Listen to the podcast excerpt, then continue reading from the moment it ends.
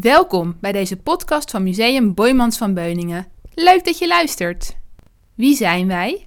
Wat onderscheidt ons, levende wezens, van dode materie? Waarom raken mensen zo makkelijk emotioneel betrokken bij ons kunstmatig gecreëerde evenbeeld? Dit soort vragen onderzoekt kunstenaar Hans van der Ham in de tentoonstelling Anima Mundi. In een serie van drie podcastafleveringen vertelt Hans van der Ham over verschillende onderwerpen uit de tentoonstelling. Deze keer gaat het over anatomie, alchemie, robotica en biotechnologie. Hoe gaan mensen hier door de geschiedenis mee om? Hans laat zien hoe deze onderwerpen met elkaar samenhangen en tot uiting komen in kunstwerken uit heden en verleden. Kernwoord in de tentoonstelling is bezieling. dus alles, ik, bevraag bij alles wat ik gekozen heb, bevraag ik eigenlijk het begrip bezieling. En nou ja, ehm, wat hier natuurlijk aan de hand is, dat die mensen heilig overtuigd waren van het feit dat daar een ziel aanwezig was in een dood ding eigenlijk. Uh, nou, ik ben er ongeveer twee jaar mee bezig geweest. Uh, dat wil zeggen, zo'n beetje halverwege 2016 uh, eh, heb ik ehm, veel gelezen over robots. Het kwam ook in, heel veel in de media in die, tijd. En ehm, wat ik vooral fascinerend vind en wat ook overal naar boven kwam, is wat gaat het met ons mensen doen? Wat voor relatie gaan wij met zo'n robot krijgen? En um, dat werd extra interessant omdat ik in die tijd uh, ook een boek las van Caroline van Eck. En dat heet Art Agency in Living Presence.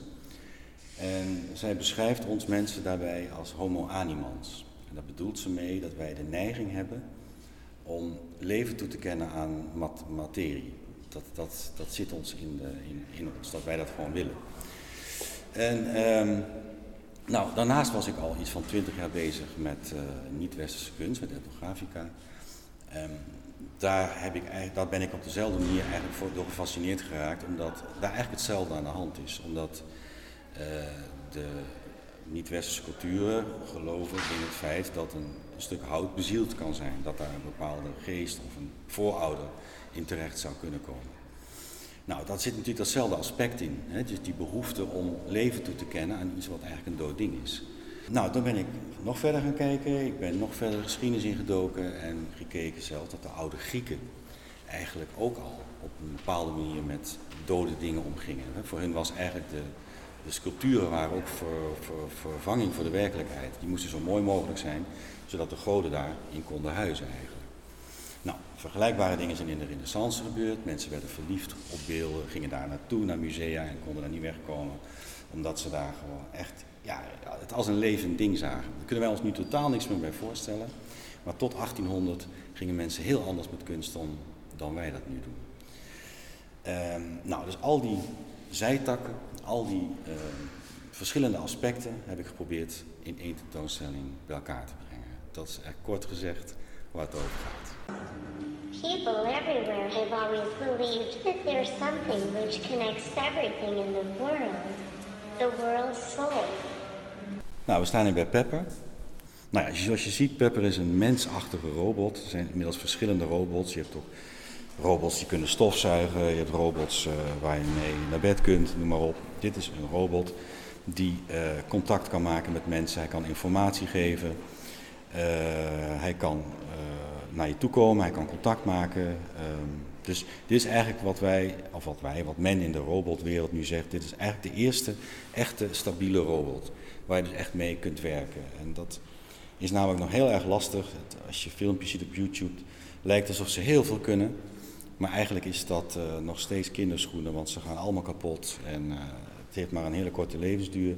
En Pepper is eigenlijk de ene, eerste robot die het echt langer volhoudt dan, uh, de meeste andere robots.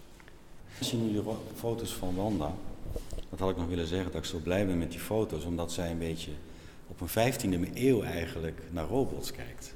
Die, die foto's lijken ook een bepaald soort bezieling te hebben, wat je ook, wat ik persoonlijk bij 15e eeuwse schilderijen ook vaak heb.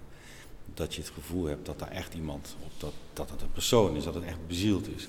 En dat zie je in die foto's ook van Wanda Teurlings, dat die, die heeft de hele wereld afgereisd om die robots te fotograferen. Maar niet zomaar. Ze heeft om te beginnen ook nog gedaan met een 19e-eeuwse camera. met een heel ingewikkeld procedé om, eh, om die foto's te ont, ont, ont, ontwikkelen. Wat als gevolg heeft dat eigenlijk dat korrelige, dat, dat, dat, ja, dat geeft nog weer een extra bezieling aan die foto eigenlijk. Dat je bijna naar een 15e eeuw schilderij kijkt. Ik ben me ook gaan realiseren dat uh, dan moet je het ook heel breed trekken in de zin van um, waar zijn mensen in de, de, door de eeuwen heen mee bezig geweest. En toen kwam ik bij de alchemie terecht. En de alchemie is een, nou het is geen wetenschap, het is een, een beweging geweest, een esoterische beweging geweest, duizenden jaren oud, waar mensen hebben geprobeerd grip te krijgen op materie.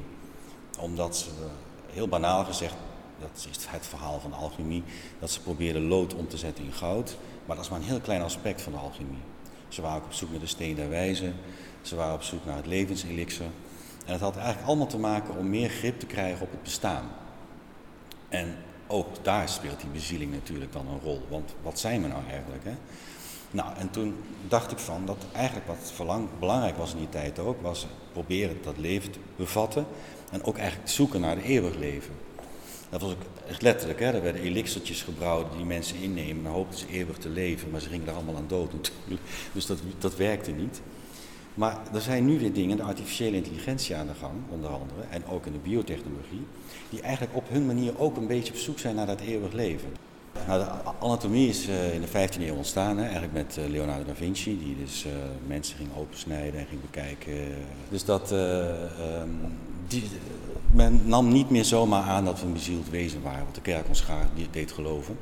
Dus vanuit de nieuwsgierigheid gingen ze kijken, hoe werkt het nou, hoe bewegen die vingers en... Ehm, Los van het feit dat, dat iets is ook nog wat het aanstuurt. Daar zijn ze trouwens in die tijd ook heel bewust naar op zoek geweest. Waar de, waar de ziel zou kunnen zitten in het lichaam. Hè?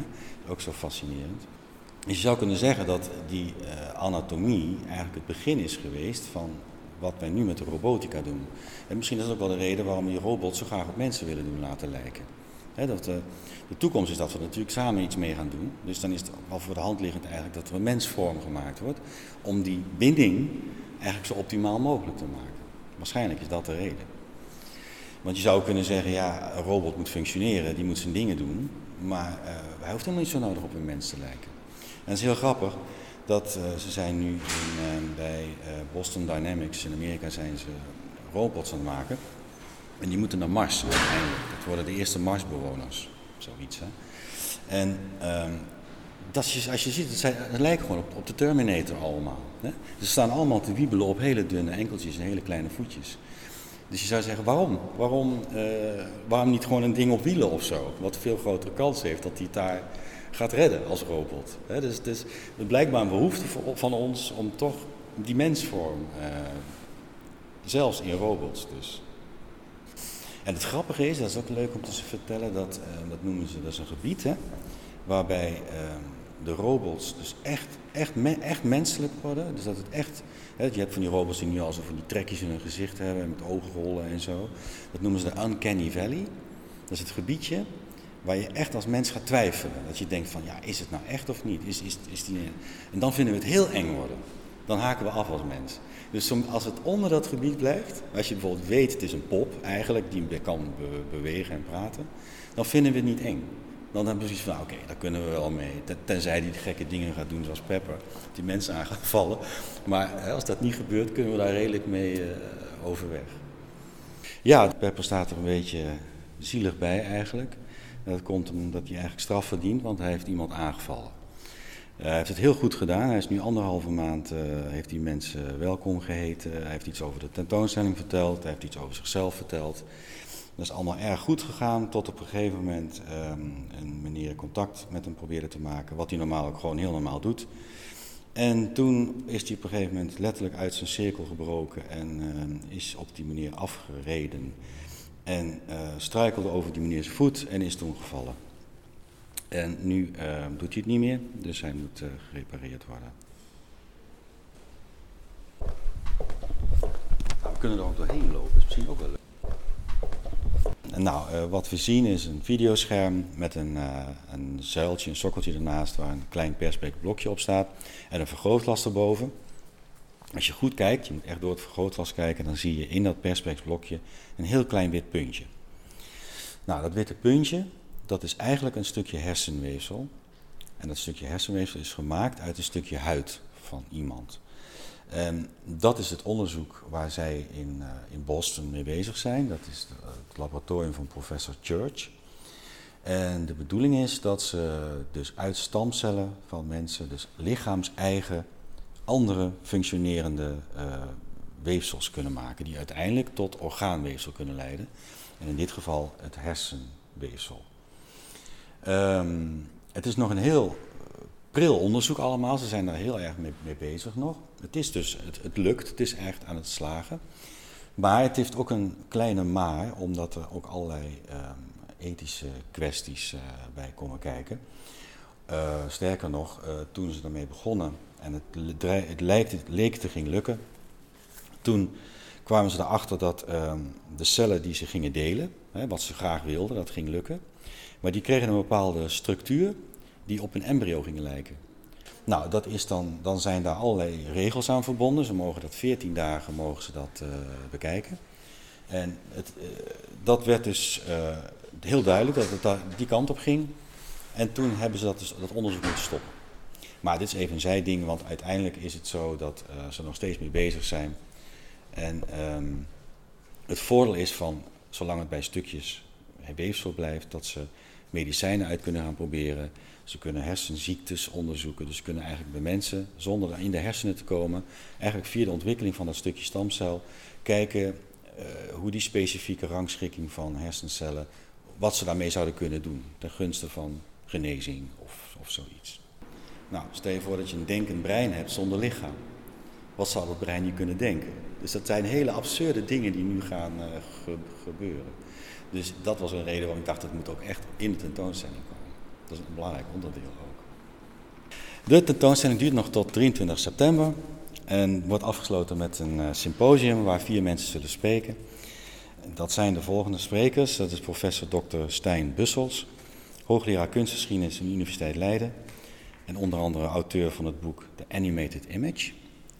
Dan zal spreken Dr. Pim Hazelager. Hij is professor en hoofdonderzoeker theoretische cognitieve wetenschappen bij het Donders Instituut voor Brain Cognition and Behavior aan de Radboud Universiteit in Nijmegen.